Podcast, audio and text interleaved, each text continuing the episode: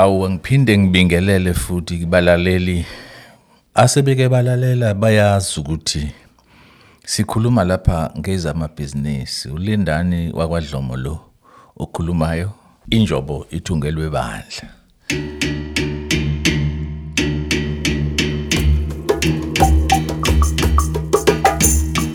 Maya babo, kahosha isicephu ngahlala.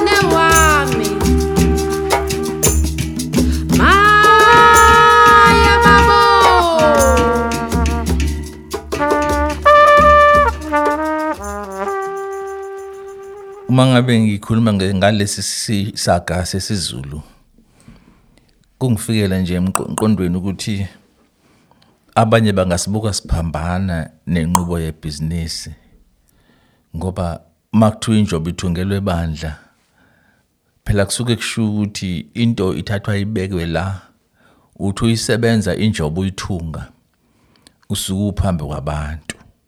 Ibandla lisuke lila likubuka. Into enjengaleyo ke isho ukuthi usuke unabantu abasuke bebuka umkhiqizo wakho leyo nto osuke uyakha. Baba nalo izwi ekutheni hayi jika la lungisa la qondisa la. Kuyaphambana ke nendlela yebhizinisi ukuthi khona izinto okufanele kuyifihle manje ke ngifuna namhlanje ke sibuke ukuthi masithi injobo ithungelwe bandla ngisuke ngikhuluma ngizobe ngikhuluma ngani ngifuna ukuthi ke sibuke ukuthi injobo kumele ithungelwe bandla ukuze abantu bayibone futhi bakwazi ukuthi wena umthungu wenjobo. Ngeke bakwazi ukuthi uyakwazi ukuthunga injobo. Uma bengakaze bakubone. Futhi ngeke bakwazi ukuthi basole bathi awuyenzanga kahle la athi omunye yami mina ngifuna ukuthi uyi- uyincenga ngapha ukuthi kuyincwela kancane ngapha. Umkhiqizo ke wakhiwa kanjalo wakhiwa ngokuthi ukwazi ukuthi mawusukhiphele phambi kwabantu bakwazi ukubona abantu babe ne- nezwi elithile. Engizothi ilona bandla ke lelo osuke ufaka kulo. Ngamhla unquma ukuthi ungene ebhizinisini noma ngabe ungena ngomkhiqizo ophathekayo noma ngabe ungena ngomkhiqizo obhalwayo noma ngabe ungena ngomkhiqizo okhulunywayo ok- ok- noma oculwayo usuke usuzifakile ebandla lapho abantu bezokhuluma into abayithandayo ngawe kodwa ke kufanele uthathe lokho aba- abakushoyo wakhele phezu kwako ngoba kuzokwazi ukuthi kwenze umkhiqizo wakho uphucuke usuku nosuku. Kodwa khona into ekungafuneka uyilahle kuloko ubuwena umnyombo womkhiqizo ukuwena ukuze ukwazi ukwehluka nomunye umuntu. Ukhumbule njalo ukuthi awakho umkhiqizo womunye umuntu wakho umkhiqizo wakho ozoziqhayisa ngawo. Kodwa uthathe futhi kuloko abakushoyo abantu. Ebandla ngikuthatha ngokuthi ilapho wenza khona i-marketing lento esiyibiza nge-marketing ngesingisi. I-marketing nabantu bebhayibheli baya bathi umuntu kasokheli isibani asifake ngaphansi kwesitsha kodwa usifake uthini ukuze sibakhanyisele bonke? Yileyo nto ke kufanele uyihlale uyikhumbule ebhizinisini ukuthi akuzokusiza ukuthi uthathe umkhiqizo uwufake ebhokisini uthembe ukuthi abantu bazothenga usebhokisini bengawubonanga. Bathi ibhode lithenga ngokubonwa. Izinto eziningi esikhule zikhona siqhenya ngazo siyayibona kancane kancane loyiguquka ezinye zazo. Indlela zokuxhumana. Sesiyibona seziya ngokuya awusaphathi leya cellphone owawuyiphatha umakhalekhukhwini owawuphatha ngesikhathi esiqala owawumkhulu ungangeni ka- nasephaketheni kalula. Sekwevele kwenziwa ucwephana nje manje oluncanyana kodwa olunezinto ezingaphezulu kwalowo wokuqala okukhombisa kona ukuthi uthe uma ungena emakethe kwakhona izinto ezithile ebandla lapho beyishintsha khona. Ibandla lathi cha ake mina iya- iyangihlupha um- u- i- i- i- injobo yami mangabe iyenzeke kanje. Fanele ususe lokhu ufake lokhu. Umkhiqizo ke uyakheka ngaleyo ndlela. Kuyaphambana ke kwesinye isikhathi ngoba ngokwe- ngokwendalo yethu nokukhula kwethu thina bohlanga sikhule sazi ukuthi khona into ekufanele ibe imfihlo yakho.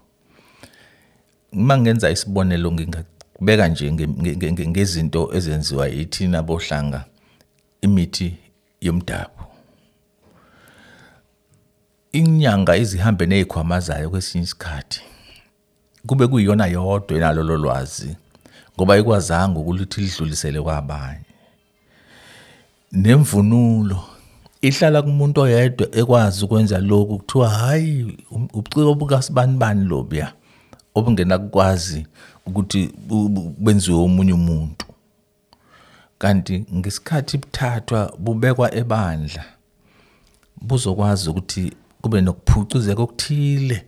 Mangithi ukuphucuzeka ngisho ngoloku kwempucuko yokuthi ku- ku- kuzokwenziwa kufane nokwasentshonalanga kodwa kuzokwazi ukuphucuzeka ngamanye amazwi kuzokwenza kube ngcono kunalokho kade kuyiko kuqala ngike ngakhuluma ngesikhathi ngibhala ephepheni ngendaba yenqephu nemvunulo. Ukuthi inqephu yasentshonalanga ithuthuka mhla kwasa ubone sewuqhamuka amabhlukwe avuleke phansi uwabona ngelanga sevalekile. Manje izimake ezitolo la usufica amabhlukwe anciphile uthi ufuna lelo lijwayele elivulekile kuthiwe hayi uzothenga leli lona selikhona leli elinciphile likubambayo lize liyofika ezansi lisuka phezulu.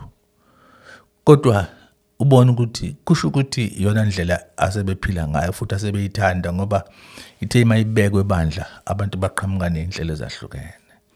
Thina sisemile kuleso sidwaba esasakha kudala esakhiwa ngesikhumba. Sisemile kulelo bheshu esasilakhe kuqala angisho ukuthi asisuke kodwa kuhle ukuthi kube khona okuthile sizothuthuka phi ngako. Kube khona imikhiqizo ehlobene nebheshu ehlobene nenjobo esizothi masiqhamuka nayo bayithanda abanye. Ngoba ngesikhathi uyifaka emakethe ngesikhathi uyibeka ebandla umqondo wakho bayawuvula abantu bakwenza ucabanga izinto ezintsha. Sizothi thina sifuna ukushintsha kwethu kulungile singakuguquli kodwa aqhamuka okunye okuhlobene nako okusha kuzoncika kukona. Angifuni nje ukukhuluma ngingenza isibonelo kulokhu ngoba mhlawumbe abanye bazomangala ukuthi ngikhuluma ngani. Uma sikhuluma ngesidwaba sikhuluma ngento abanye abakhala ngokuthi mususigqokile ukwazi ukuhlala phansi futhi asikukhululi ukuthi wenze noma kanjani kodwa ke uma usibuka isidwaba sesakhiwe. Se- se- se- se- se- se- se- sesilaphaya uyabona ukuthi kunobuciko obuthile obungatholakali indawo obungatholakali kwamanye amazwe kungatholakali kwezinye iy'nhlanga.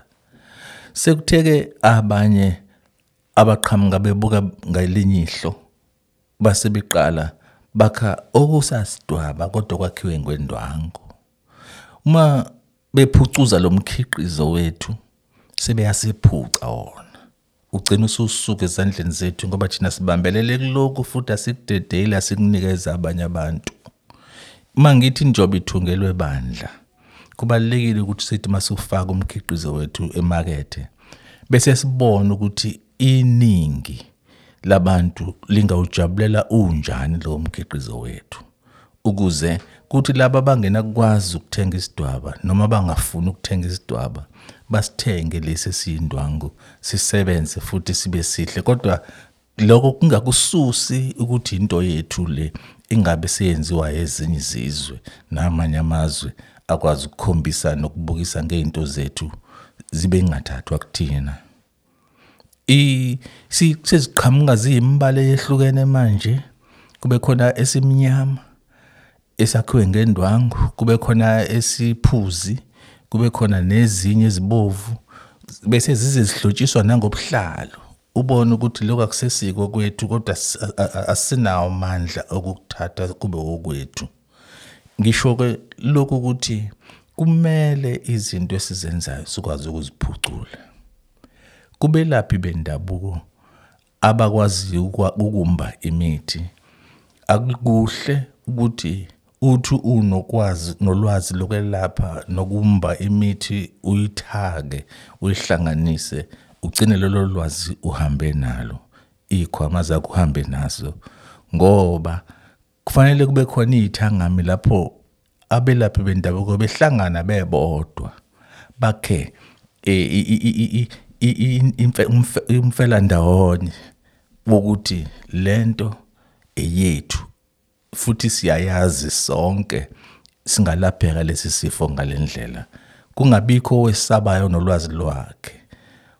Ukugcina ulwazi lwakho lu- kulo lwakho kungenziwa ngeindlela ezithile abasentshonalanga bayakwazi lokho ukuthi uyakwazi ukulugcina ulwazi lwakho lube olwakho kodwa lube lisebenza ebandla lapho lingase li- li- lu- lu- lusebenze khona kubantu abaningi. Ngifuna ukuthi ke kuwe uma u- uwomunye wabantu abano- abanolwazi lomkhiqizo kuzokusiza futhi ukuthi ukwazi ukuthi iziphi izindlela zokukhiqiza ngobuningi bawo. Abe abasentshonalanga bathi mabebuka bebona ukuthi bafuna ukukhiqiza bemningi umuthi abawenzayo mhlawumbe baye bakhe umshini othile. Nathi kufanele sibe nawo. Uma ngabe singa- singagcini ngokuyineka nje elangeni imithi sethemba ukuthi ilanga lizoyomisa kahle mhlawumbe sibe nazo izinto esizokwazi ukuyisebenzisa ziyomise ngokushesha leyo mithi esifuna ukuyisebenzisa. Uma into ibekwe bandla akusho ukuthi kufanele uyidedele bese ithathwa umunye amasu aqhamuka lapha ekutheni sizozivikela kanjani thina? Emkhiqizweni wethu ukuthi ungathathwa ube wabanye abantu. Singadayisi ngobuthina sigcine singasenalo ikusasa lethu. Uma umkhiqizo wakho sewungene emakethe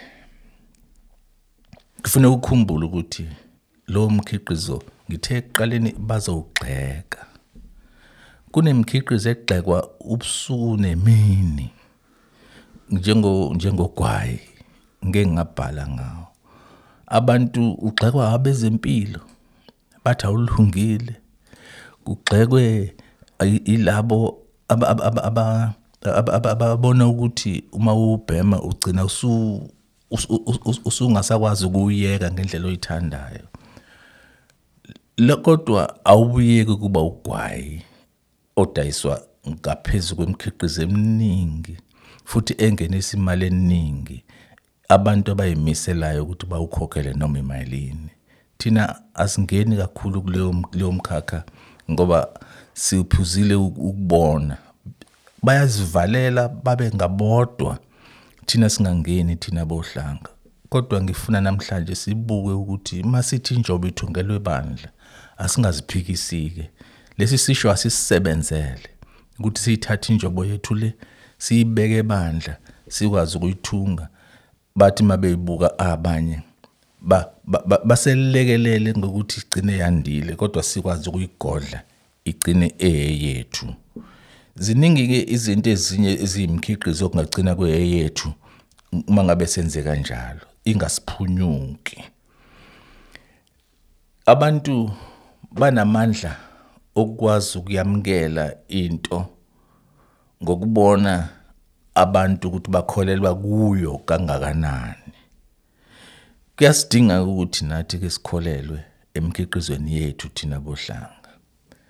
Sikwazi ukufundisana sisodwa noma uthi uma ubona umkhiqizo kungabi nguwe owugxeka kuqala. Ezinye zezinto sikhuluma ng- njengamanje sikhuluma ngamahubo. Sikhuluma ngendlela zo- zokugiya nokusina ezinhlobonhlobo. Ukuthi mase bezishaya abantu bayishaye ingoma ngendlela yokuthi ubone ukuthi i-art le noma ubuciko loku okungafuneki kuphele kungani eyethu ingafani no-walls ingafani no-cha-cha cha lo kudanswa kubanjwene kuyalena lekutetemukwa inhlobo ngeinhlobo zemdanso musubuka abantu sebedansa be- be- bema ngamazonzwane bekwenza konke lokho kwabo. Kodwa mase kukhulunywa ngokwabohlanga kube sengathi into nje ephelela la kuthina engakwazi ukuthi imakethe ifake kwamanye amazwe. Kubalulekile ukuthi sikwazi ukuba nabantu abasebhizinisini abaphezulu kungabi yinto nje abathile abazosithatha abazothatha igroup yabohlanga iqembu nje labohlanga balithathe baliphonse lapha benza imali ngalo. Kodwa kuba abohlanga abanothile ngalo abakwaziyo futhi ukuthi balisebenzise ukuthi izwe nesizwe sikwazi ukwaziwa sihlonipheke ngemikhiqizo yaso. Ngiphela lapho-ke namhlanje ekutheni kubalulekile ukuthi siyithungele injobo ebandla kodwa futhi sikwazi ukwagodla amandla ethu nolwazi lwethu. Uma ungena ebhizinisini noma ngabe liphi buka umkhiqizo wakho.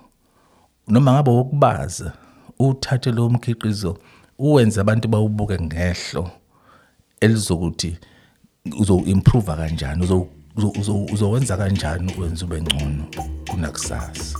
Ngiyabonga.